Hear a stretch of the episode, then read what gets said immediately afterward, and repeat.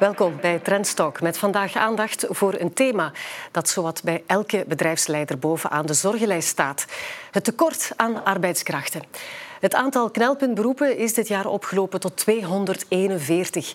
De doelstelling van de Vlaamse regering om de activatiegraad op te trekken naar 80 procent is bijna bereikt, maar dit lijkt niet te volstaan om alle vacatures in te vullen. Kunnen nog meer niet-beroepsactieven overtuigd worden om tot de arbeidsmarkt toe te treden? Of moeten we heil zoeken in economische migratie? Mijn gast vandaag is Elke Jurissen, voorzitter van VDAB. Van harte welkom. Dankjewel, blij om hier te zijn. VDAB is eh, de voorbije weken geregeld in het nieuws gekomen, willen van die knelpuntberoepen, maar ook het aantal vacatures, openstaande vacatures, dat aan het dalen is. Toch blijft die krapte op de arbeidsmarkt zeer voelbaar. Kan u dat even in cijfers duiden? Ja, eigenlijk is dat een heel structureel gegeven. Hè. We hebben eigenlijk gewoon een omgekeerde driehoek als, uh, als bevolkingspyramide. En dus eigenlijk voor elke 100 mensen die de arbeidsmarkt verlaten, komen er maar 80 jonge talenten erop. En dus dat verklaart eigenlijk ook waarom dat het een structureel probleem is.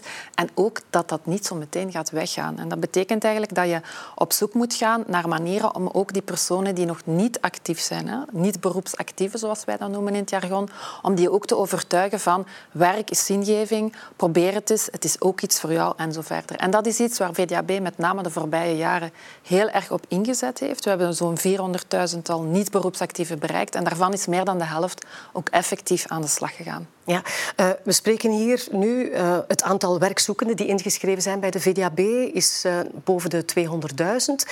Daar staan 65.000 openstaande vacatures tegenover. Dat is een mismatch, hè? Ja, die cijfers die schommelen wel een beetje. Hè? Maar dat is natuurlijk al heel lang zo dat er geen perfecte match is. Als het wel zo zou zijn, dan was de VDAB niet nodig. Hè? Dus de VDAB blijft nodig. Misschien wel belangrijk om even te duiden wie zit er nu nog in die talentenvijver? En dat is toch wel heel anders dan pakweg vijf jaar geleden. Vandaag zie je eigenlijk met een inderdaad werkgelegenheidsgraad van 77 procent, nog nooit zo hoog geweest, dat heel veel mensen al aan de slag zijn. En dus de mensen die wij nog in onze vijver hebben, zeg maar, dat is eigenlijk een, een, een heel diverse groep. Die groep is veel diverser dan vijf jaar geleden. Dat zijn zowel mensen met, met een leefloon als mensen zonder een uitkeuring, die niet beroepsactieven, wat bijvoorbeeld mensen zijn die ervoor gekozen hebben om een tijdje thuis bijvoorbeeld voor de kinderen te zorgen. Of mensen die naar België komen en hier nog niet aan de slag zijn. Maar ook mensen die vervroegd stoppen met werken, bijvoorbeeld op 55 of 60 en die dus niet aan de slag zijn. Ook langdurig zieken is een groep die erg stijgt. En dus de uitdaging voor VDAB is tweeërlei, denk ik, de komende jaren. Aan de ene kant die groep mensen um, die wij nu al bereiken en zich wel inschrijven begeleiden naar de juiste opleiding of de juiste job. Dat is moeilijker dan vijf jaar geleden. Waarom? Het zijn heel veel mensen die nog niet de Nederlandse taal bijvoorbeeld heel goed kennen. Er zijn ook veel kortgeschoolde mensen bij. Eh, en er zijn ook wat drempels die eigenlijk ja, breder in de samenleving een rol spelen. Zoals mobiliteit, ik raak niet op mijn werk. Of kinderopvang, ook een dossier waar de voorbije maanden natuurlijk veel om te doen geweest is. En bij die langdurig zieken, ja, daar, daar gaat het om een, ja, een, bijna een epidemie zeg maar, in de samenleving. Ja, ik ga er even cijfers bij halen dat zijn wel Belgische cijfers, hè, niet louter voor Vlaanderen. 500.000 mensen die langdurig ziek zijn. Daar zitten ook de mensen uh, bij die thuis zitten met een, uh, een burn-out. En dat aantal stijgt alleen maar. Ja, dat is zelfs een exponentiële curve. Hè. Dus uh, dat is zeker iets waar we ook op inzetten. Uh, ik denk dat het, als het over de VDAB gaat in de media, gaat het heel vaak over ja, we moeten iedereen aan het werk krijgen. Maar we hebben het nog iets te weinig over hoe houden we iedereen aan het werk. En we hebben met onze raad van bestuur bijvoorbeeld een, een groeipad uitgetekend naar die 80 procent, wat de Vlaamse overheid ons vraagt, om eens na te gaan van waar halen we die mensen? Hè? Uh, hoe maken we dat vanuit die verschillende segmenten die ik net heb aangehaald, heel gericht. Hè? Want iemand die nog geen Nederlands kent, heeft een andere begeleiding nodig dan iemand die bijvoorbeeld wel een hogeschooldiploma heeft, maar nog niet erkend is. Hè? Versus iemand die een tijdje is uitgevallen en misschien terug wil werken, maar misschien parttime, misschien niet fulltime, of misschien bij een andere werkgever en zo verder. Hè? Dus dat zijn wel zaken waar we op inzetten. En in dat groeipad, wat zie je daar? Je moet inderdaad uh, meer mensen met een leefloon aan, werk, aan, het werk krijgen, meer nieuwkomers aan het werk krijgen, maar ook mensen zorgen dat ze minder uitstromen. En daar speelt duurzaam werk, hè, duurzame jobs spelen daar wel een heel grote rol. Want de lijst van knelpuntberoepen is mm. ook uh, onlangs bekendgemaakt. Ja, die groeit eigenlijk elk jaar. We zeggen wel eens met een boutade, al mag dat misschien niet luid op, elk beroep is bijna een knelpuntberoep geworden. En dat is ook wel een 40 beetje, procent van de, het aantal beroepen uh, zijn ondertussen ja, ja, uh, ja, ja, een knelpuntberoep geworden. Ja, en vandaag is de spanningsgraad, zeggen we dan, hè, voor elke vacature is er 1,8 kandidaat. Ja, dat is mm. eigenlijk heel erg weinig. Hè. Dus de kans dat je er dan net opvalt, is natuurlijk heel klein. Dus we moeten zorgen dat we alle mensen begeleiden. En dat doen we ook. We hebben ook job- en taalcoaching voor die werkgever. Maar er is ook wel een rol voor de werkgever. Uh, de werkgever denkt misschien nog iets te vaak van ik ga de perfecte kandidaat vinden als ik maar lang genoeg zoek. Dat is natuurlijk al lang voorbij. En dat is ook structureel. Dus daar is het ook zaak om te gaan kijken van oké, mensen die willen werken, die bepaalde talenten hebben, competenties kunnen we bijscholen, kunnen we aanleren, maar we gaan hen toch een kans geven. En daar zie je wel heel veel hoopvolle dingen gebeuren. Ik denk zo aan een, een, eh, een voorbeeld van een, wasserij, Mirai in Limburg, uh, die eigenlijk op een gegeven moment gezegd heeft, in samenwerking met lokale overheden, want die zijn heel belangrijke partners voor ons, en ook die organisaties die, die mensen bereiken die nog niet aan het werk zijn, weet je wat, we gaan jobs creëren op maat van mensen die willen werken. En dat is misschien een job van 9 tot 3, en dat is dichtbij waar ze wonen, dus het mobiliteitsprobleem is opgelost. En de mensen die willen ook daarnaast de kinderen gaan halen op school, die kunnen dat ook. Hè. En dus ik denk, vorig jaar of twee jaar geleden had je de grondstoffencrisis. Hè, en dan hoorde ik wel eens een, een of andere ondernemer zeggen van dit is het jaar dat um, onze productie niet langer bepaald wordt door de vraagzijde, hè, wat de klanten willen, maar wel door de aanlevering van de grondstoffen. En ik denk, mensen zijn natuurlijk geen grondstoffen, maar ze zijn wel een heel mhm. belangrijk onderdeel van wat kan je als bedrijf neerzetten? Hoe kan je een groeistrategie realiseren? En ook daar ga je moeten kijken van wie zijn de mensen die willen werken. En er zijn er eigenlijk nog heel veel die dat echt willen. En hoe kunnen we eigenlijk dan de job een stuk aanpassen aan die mensen? En dat is niet alleen een opdracht voor werkgevers, maar ook voor collega's. Ja. Er moet samengewerkt worden ook hè, om uh, een aantal mensen te kunnen bereiken die, uh, die moeilijk te bereiken zijn. Samenwerking met bijvoorbeeld OCMW of RISIF. Hoe, hoe verloopt dat? Je, ziet eigenlijk dat er twee zaken gebeuren. Aan de ene kant heb je de overheid die voor een aantal categorieën gaat verplichten dat je wordt ingeschreven. Bijvoorbeeld alle uh, nieuwkomers uh, die via het agentschap voor inburgering naar Vlaanderen komen, sinds uh, enige tijd, nog niet zo heel lang, 1 maart vorig jaar of twee jaar geleden, moeten zij zich inschrijven. Ze doen dat ook. Ze zijn ingeschreven. 90% daarvan is ingeschreven. En ik denk dat 40% daarvan ondertussen ook aan het werk is. Voor ons is dat belangrijk, want het is pas op het moment dat ze ingeschreven zijn dat we vanuit VDAB dat onze teams eigenlijk het project uh, of de bemiddeling kunnen in gang zetten. Hen kunnen contacteren, met hen in gesprek gaan, kijken wat kan je, wat kan je niet, wat is een opleiding die voor jou geschikt is of wat is een mogelijke job. Hè? Want die uitstroom naar duurzaam werk is altijd wel de finaliteit. Voor mensen die langdurig ziek zijn, is dat een heel ander gegeven. Want zij zijn gekend bij het RISIF, een federale instelling.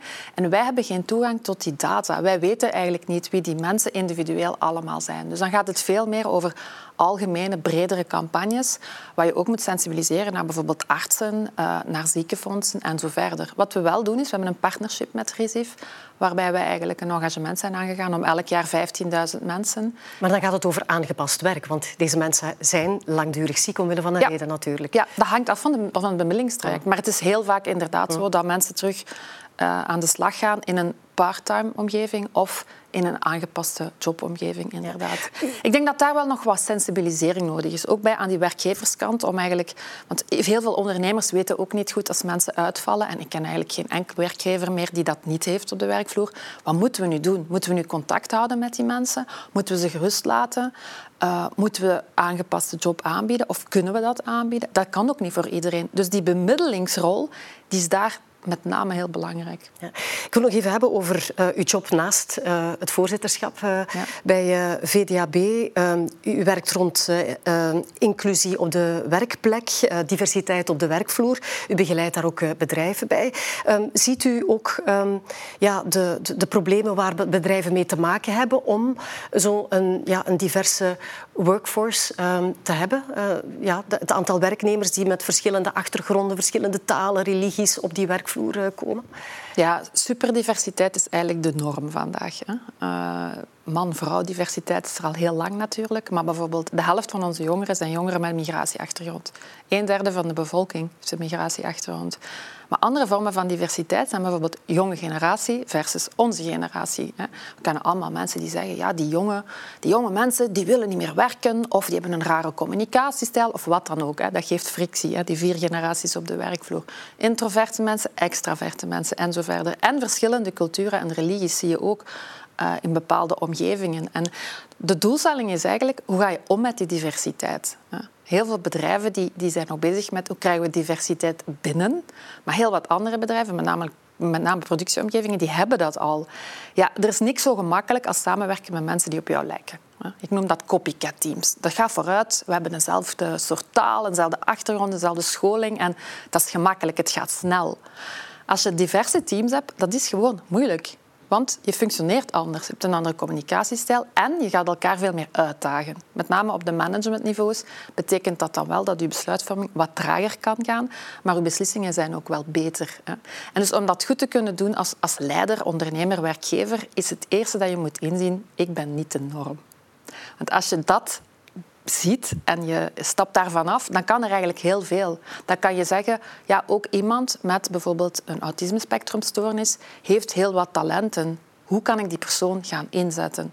Of ook iemand die zegt, weet je wat, ik ben een jonge papa, ik wil vier vijfde werken. Ja, oké, hoe kunnen we die persoon gaan inzetten? En zo verder, en zo verder. Hè.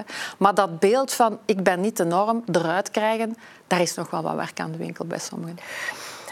In het Vlaams regeerakkoord, dat eh, in 2019 is afgesloten, ehm, werd het eh, takenpakket van de VDAB eh, uitgebreid. Er is sprake van een nieuwe VDAB die optreedt als werkzaamheids- en loopbaanregisseur. En de werking moet ook zeer datagericht zijn.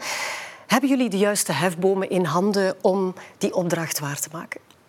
Ja, het is een brede opdracht. Hè. Ze is erg verbreed inderdaad eh, in deze regering. Vroeger was heel simpel gezegd de rol iedereen die ingeschreven is in de club helpt ze aan werk of aan een opleiding. Vandaag is zorg dat je club groter wordt hè, en doe dan ook die begeleiding. Hè. En dat doen we ook. En zorg dat mensen die aan het werk zijn aan het werk blijven, wat ik daar straks zei.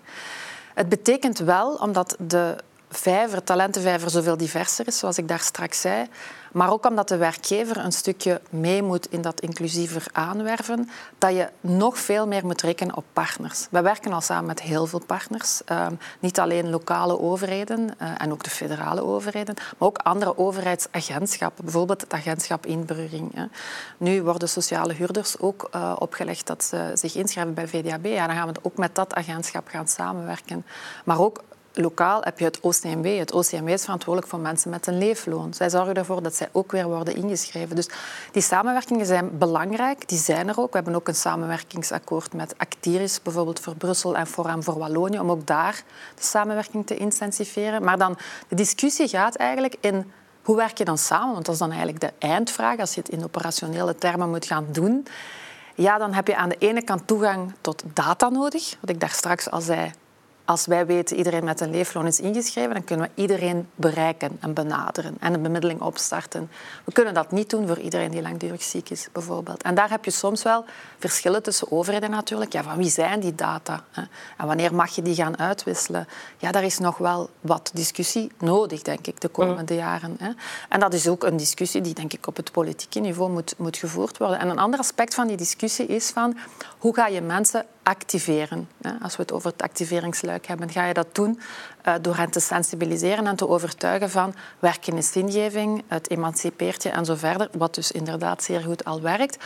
Of ga je zeggen van nee, je moet werken. Iedereen moet werken. Ja, ook dat is weer een politiek debat, denk ik. Uh, hoe je daar als overheid wil, wil opduwen. En onze rol als raad van bestuur is zorgen dat het managementteam, onder leiding van Wim Adriaatjes, dat zij uitvoeren wat uh, onze aandeelhouder, wat de overheid, wij allemaal dus, hè, mhm. met ons geld doet. Hè. Uh, en hoe, hoe helderder dat kader is, um, hoe, hoe, beter dat we daar ook op kunnen sturen. Nu, we doen dat ook met de Raad van Bestuur. Hè. We zijn vorig jaar nagegaan van hoe goed hebben we het gedaan, hè, volgens wat de regering ons heeft gevraagd. En dan zie je wel dat, dat, dat die doelstellingen, dat dat dat, eigenlijk zeer goed wordt behaald. Met name de niet-actieven uh, gaan activeren en begeleiden. Waar wat uitdagingen zijn, want in elke organisatie zijn er ook uitdagingen. Dat is, ja, ik denk, het, het opleidingsvraagstuk. Heel wat van de vacatures waar je het in het begin over had, dat zijn eigenlijk vervangingsvacatures. Dat zijn eigenlijk mensen die gaan uitstromen, die men wil vervangen. En daar zie je van, ja, hoe, hoe moeten we die mensen eigenlijk gaan vinden? Ja. ja, dat is toch een stukje niet zo gemakkelijk. In de zin van, oké, die opleiding, die reskilling of het, het, meenemen van mensen die iets ouder worden, die in de digitale uh, uh, revolutie niet meer helemaal mee zijn en zo verder. Dat zijn wel zaken waar je ziet van, oké, hoe doe je dat nog beter? Ja. Ik wil even inspelen omdat u zegt, ja, we hebben een, een evaluatie gedaan hè, vorig jaar. Um, nog even terug in de tijd, 2021 heeft het Rekenhof een doorlichting gemaakt op vraag van de Vlaamse regering. Die conclusie die was toen niet mals. Hè, weinig efficiënt en ondoorzichtig uitbestedingsbeleid. U was toen nog geen voorzitter, u zat wel in de, in de raad van bestuur. Um, hoe is dat rapport aangekomen en op welke manier is er toen uh, bijgestuurd? Ja, ik denk dat het om te beginnen heel goed is dat elke overheidsorganisatie die we allemaal financieren, dat die regelmatig wordt doorgelicht. Ik denk dat dat heel gezond is in een democratie. Dus ook voor dit, uh, voor dit rapport was dat zo. Um, daar is heel snel op gereageerd in de zin dat er een concreet actieplan is uitgetekend om eigenlijk tegemoet te komen aan alle elementen die uit het rapport kwamen. En, we zijn daar ook... en welke waren de voornaamste punten? Eigenlijk ging het over het uitbestedingsbeleid. Hè. Dus wij werken samen met honderden partners, hè, zowel voor opleiding als voor um, ook bemiddeling en zo verder. VDAB kan ook nooit zijn werk doen zonder al die partners. En dat zijn dus ook al die privéspelers zijn zeer belangrijk voor onze werking. En eigenlijk ging het vooral over te veel onduidelijkheid over uh, welke opdracht geef je aan die partners. Hoe ga je dan monitoren of ze goede resultaten leveren en ook hoe ga je hen evalueren, bijsturen en zo verder. Dus daar ging het eigenlijk vooral over. Het ging voor alle duidelijkheid niet over um, onterechte toewijzingen van contracten en dat soort dingen. Daar ging het allemaal niet over. Maar wel breng meer helderheid in wanneer je beslist uh, welke partners je gaat uh, gebruiken of inzetten voor bepaalde uh, opdrachten. En zorg dan dat je dat beter gaat monitoren. En we hebben dat ook bijgestuurd en daar is ook op verschillende momenten uh, verslag over uitgebracht door uh, Wim binnen de commissie uh, werk mm. ook in het, in het parlement. Dus wij zijn daar eigenlijk vandaag zo goed als alle actiepunten die eruit kwamen, zijn eigenlijk uh, opgepakt en uitgevoerd. Ja, ook vanuit de werkgeversorganisaties is er, uh, is er kritiek. Uh, VBO bijvoorbeeld, die zegt ja, een jaarlijkse dotatie van bijna 800 miljoen euro. Dat is bijzonder veel. 5000 mensen die op de payroll staan. Um, de output ligt te laag, zegt het VBO.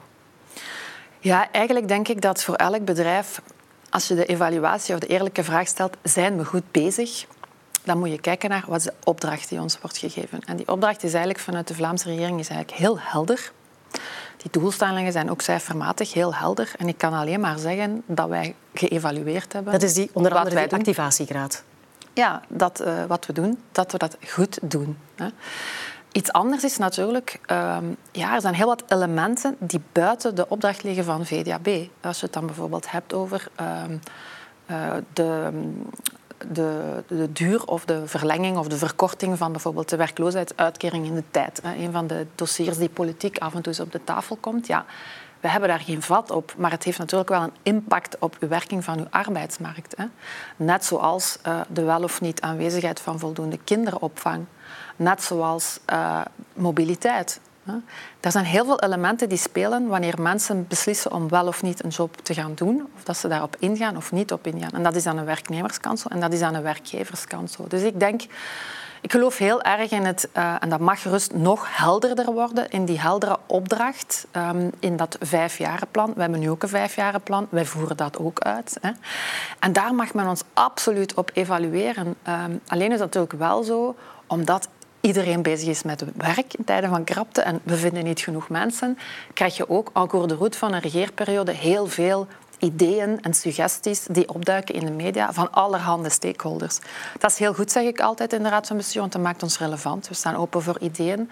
Maar je kan natuurlijk niet elke twee, drie maanden zomaar heel je operatie gaan veranderen. Dus ik zou eh, zeggen aan eh, het VBO, eh, zorg ervoor in de volgende regering dat de dingen die je vindt die, die beter kunnen, heel graag suggesties, AUB, van hoe dat, dat kan. Ja. Wij staan daar echt wel voor open. Ik vind het soms iets te gemakkelijk, de kritiek die wordt gegeven op de VKB. Ja, wat verwacht u van de werkgeverskant? U zegt zelf, ja, de pool wordt kleiner. Misschien moet, moeten de werkgevers ook de lat wat lager leggen. Dat, dat perfecte profiel, zodat dat vaak wordt omschreven hè, in, in, eh, in, sollicitaties. Van, is dat haalbaar? Misschien moeten ze de verwachtingen bijstellen? Ik denk dat onze rol daar ook uh, groter wordt als VDAB. Dus we hebben ook... Uh, met name vorig jaar een, vernieuwde werkgeverswerking ehm, die uitgerold wordt. En dat betekent eigenlijk dat bijvoorbeeld rond knelpuntberoepen VDAB echt naar de werkgevers stapt al dan niet individueel of via de sectoren, om te zeggen wat zijn nu die knelpuntberoepen. Hè?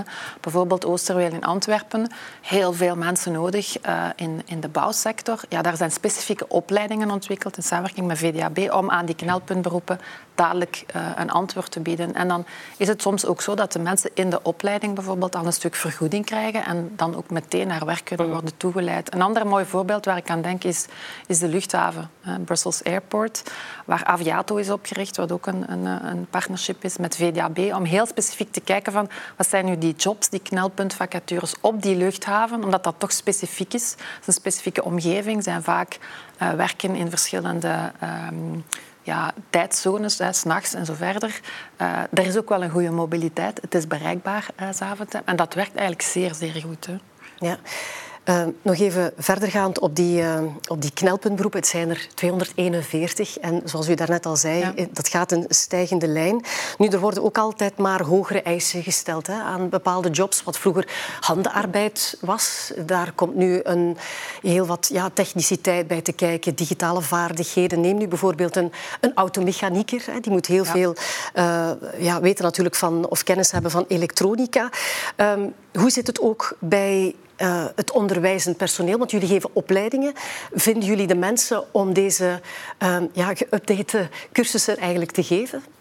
Jullie kampen misschien ook wel met tekort op de arbeidskracht. Ja, VDAB is een organisatie met 5000 medewerkers, zoals je zei. En um, alle elementen die spelen in andere sectoren en bedrijven, die hebben wij natuurlijk ook. Hè. Ook het vinden van talent. Hè. Ook mensen die, die opleidingen uh, moeten geven. Dus ja, ik kan alleen maar zeggen, ja, inderdaad, is iets wat wij ook zien. Um, ook mensen die uitvallen is iets wat wij ook zien. Hè. Wij, hebben dat allemaal. Um, natuurlijk is het ook zo dat je... in een ideale wereld, zeg ik altijd, zou de VDAB toonaangevende werkgever moeten zijn. Dan zouden we al die problemen moeten kunnen uh, kanaliseren of oplossen. Maar dat is natuurlijk ook onmogelijk, want dat is onmogelijk voor elke werkgever of elke onderneming. En het zorgt er ook net voor, omdat je zelf een belangrijke werkgever bent, dat je heel goed die werkgever begrijpt, die andere werkgever. Want wij struggelen ook met zaken zoals burn-outs en, en, en, mensen die, die afwezig zijn en zo verder. Dus dat zijn zaken waar we wel een goed zicht op hebben. Nu, wat voor VDAB specifiek is, daar wil ik misschien toch even op ingaan, is wij werken natuurlijk met heel veel data. We zijn bij uitstek een hele grote database. Um, ook naar de toekomst, uh, onze eigen data, het samenwerken met andere organisaties voor het gebruik van hun data, daar had ik het al over. Maar we doen dat eigenlijk ook zeer goed. We zijn daar onlangs nog rond, uh, rond geëvalueerd door een, door een internationale ik partner. toelichten? En uh, eh, VDAB doet het eigenlijk zeer goed. Wij zijn bijvoorbeeld de eerste en de enige Vlaamse overheidsorganisatie die een ethische raad heeft rond AI. Dus we hebben een externe raad uh, um, opgesteld, een jaar en een half geleden, om na te gaan van wat zijn die opportuniteiten van artificiële intelligentie in de toekomst? Hoe moeten we daar ethisch mee omgaan? Wat zijn ook de risico's? Want ja, je geeft al je informatie aan VDAB. Je moet ook wel zorgen dat we dat correct doen. Uh, om je een idee te geven, binnen twee weken komen er 25 bedrijven naar VDAB om te luisteren naar hoe hebben jullie dat gedaan? Uh We zijn daar eigenlijk best practice in. We zijn bij de top drie arbeidsmarktbemiddelaars in Europa bijvoorbeeld ook. Ja. Dus om toch een beetje tegenwicht te geven over die kritiek, zal het ooit genoeg zijn? Ik denk dat het nooit genoeg zal mm. zijn. En dat is ook heel evident, want ik begrijp ook heel goed die werkgever die zegt van ja, maar ik heb een groeiambitie en ik heb daar mensen voor nodig en ik vind ze niet. Het kan toch niet dat dat mij tegenhoudt? Ik begrijp dat echt heel goed. Hè. Um, dus ja. ja. Want het is een visieuze cirkel. Hè. Doordat uh, ja, de groei gefnuikt wordt van uh, bedrijven, gaat de overheid ook minder inkomsten hebben. Dus kunnen zij ook uh, minder inzetten om mensen naar de arbeidsmarkt te begeleiden. En dan zit je echt wel met een structureel probleem. Ja, dat is zo. Nu we hebben onlangs ook eens uh, laten becijferen van uh, wat brengt VDAB nu op aan de Vlaamse overheid. Hè? Omdat je natuurlijk, als je daar regelmatig rond bevraagd wordt, wat nogmaals mag, En elke euro die wordt geïnvesteerd in VDAB, die brengt 2,8 euro op. En dat vertaalt zich in, op twee manieren. Uh, het feit dat mensen geen uitkering meer krijgen. Hè. Als we het dan hebben over die mensen die een uitkering krijgen, dat is een besparing aan de, andere, aan de ene kant. En aan de andere kant, als mensen aan het werk gaan, dan zijn er natuurlijk belastingen die ze betalen. Hè. Dus um, het blijft een zeer relevante organisatie. Wat wel belangrijk is, is um, VDAB is er voor iedereen. Wij zijn ook een universele dienstverlener. En als iedereen, als die, die, die vijver waar ik het over heb, steeds diverser wordt, dan betekent dat ook veel maatwerk. Wij zijn geen klassiek bedrijf dat kan zeggen, uh, wij hebben vijf producten of vijf vormen van dienstverlening uh, en die gaan we schalen en al de rest gaan we schrappen. Zo werkt VDAB niet. Wij zijn er echt voor iedereen. Dus als mhm. mensen een taalproblematiek hebben, een mobiliteitsproblematiek, een kinderopvangproblematiek en zo verder, ja, dan is het ook onze rol, vandaar de naam regisseur, om met andere actoren te zeggen van dat en dat en dat zien we gebeuren. Als drempel kunnen we daar alsjeblieft samen meer werk van maken. En ik denk dat we daar ook nog een versnelling hoger kunnen inschakelen, in die, in die signaalfunctie op te nemen. Niet om verantwoordelijkheden af te, af te uh, voeren, want dat is voor alle duidelijkheid niet de bedoeling, maar wel om dat gesprek openlijk te blijven aangaan. Hè. En de persoon die zegt dat dit eenvoudig is, die, die nodig ik graag uit om te luisteren naar hoe zou jij het dan doen. Want het is een complexe omgeving. En ik denk dat we af en toe ook eens moeten durven benoemen dat het gewoon niet gemakkelijk is. Hè. En dat we uh, echt wel nood hebben aan het idee van we zijn hier samen verantwoordelijk voor. Laat ons ook samen die doelstellingen afspreken, maar ook die resultaten, die successen, wat vaker in het licht zetten. U had daar straks al kort even gezegd dat er samenwerkingsverbanden zijn met de Brusselse en Waalse tegenhanger. Hè. Uh, Forem en Actiris, of Actiris is voor Brussel en Forem voor uh, Wallonië. Uh, concreet de samenwerking met Forem. Het doel is om in 2024 12.500 Waalse werkzoekenden aan een job te helpen in, in Vlaanderen. Als we kijken naar cijfers, het was onlangs nog ook in het parlement aangeduid, in 2022 117.000 vacatures stonden open voor jobs, uh, Vlaamse jobs in Wallonië. 52 kwamen er solliciteren. Dus wat, heeft, wat is de zin van zo'n doel te stellen? 12.500 uh, Waalse werkzoekenden naar Vlaanderen te halen? Ik denk dat... waarom blijkt dat zo moeilijk te zijn? Ja, ik denk dat wat belangrijk is, is dat het partnership er is. Met Brussel, met Actiris, hebben we al langer zo'n partnership. We hebben dat twee jaar geleden ook vernieuwd. Dat werkt ook zeer goed. Waarom is dat belangrijk? Omdat dat het blijkt niet zo goed te concrete... Werken. Vroeger was er geen samenwerkingsovereenkomst met Forum. Hè. Toch niet met becijferde doelstellingen. Dus alles begint eerst met wat wil je samen doen en wat is een doelstelling. En ook die meetbaarheid daarvan die cijfers maken dat je echt vooruit kan gaan, gaan, gaan meten. En wat houdt dat concreet in? Dat is vacatures met elkaar delen. Het voorbeeld dat je daarnet uh, zelf inderdaad al aangaf. Um, maar het is natuurlijk ook zo dat uh, VDAB, Acteren en Forum hebben een rol te spelen. Maar je hebt natuurlijk ook het beleid dat verschilt in die verschillende uh, regio's. En die populatie ook. Bijvoorbeeld in Brussel heb je veel meer jonge mensen dan in Vlaanderen die kort geschoold zijn. In Wallonië heb je een heel ander industrieel weefsel, bijvoorbeeld. Dus je zit wel met een andere omgeving. En je hebt ook een ander politiek beleid. Ja, maar bedrijven zeggen, wij zullen ze wel opleiden. De taal maakt ook in heel veel jobs ook niet zo uit. Ja.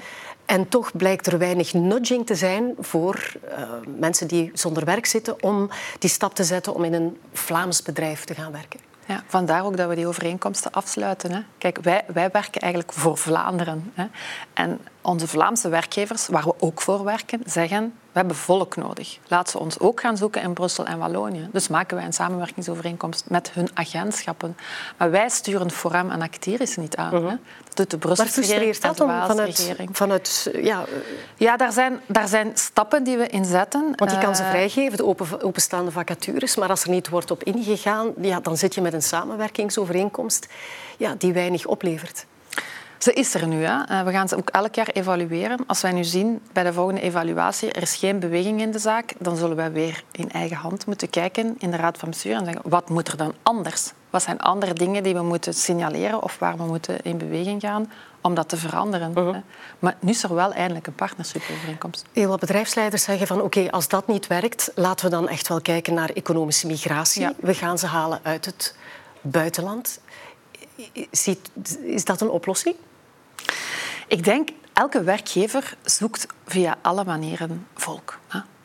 dat is altijd een goed idee, denk ik. Uh, VDAB is betrokken bij een aantal van de pilootprojecten daarbij. Maar net zoals ik daarnet zei, onze eerste opdracht is natuurlijk om uh, mensen binnen Vlaanderen te activeren naar werk en aan het werk te houden.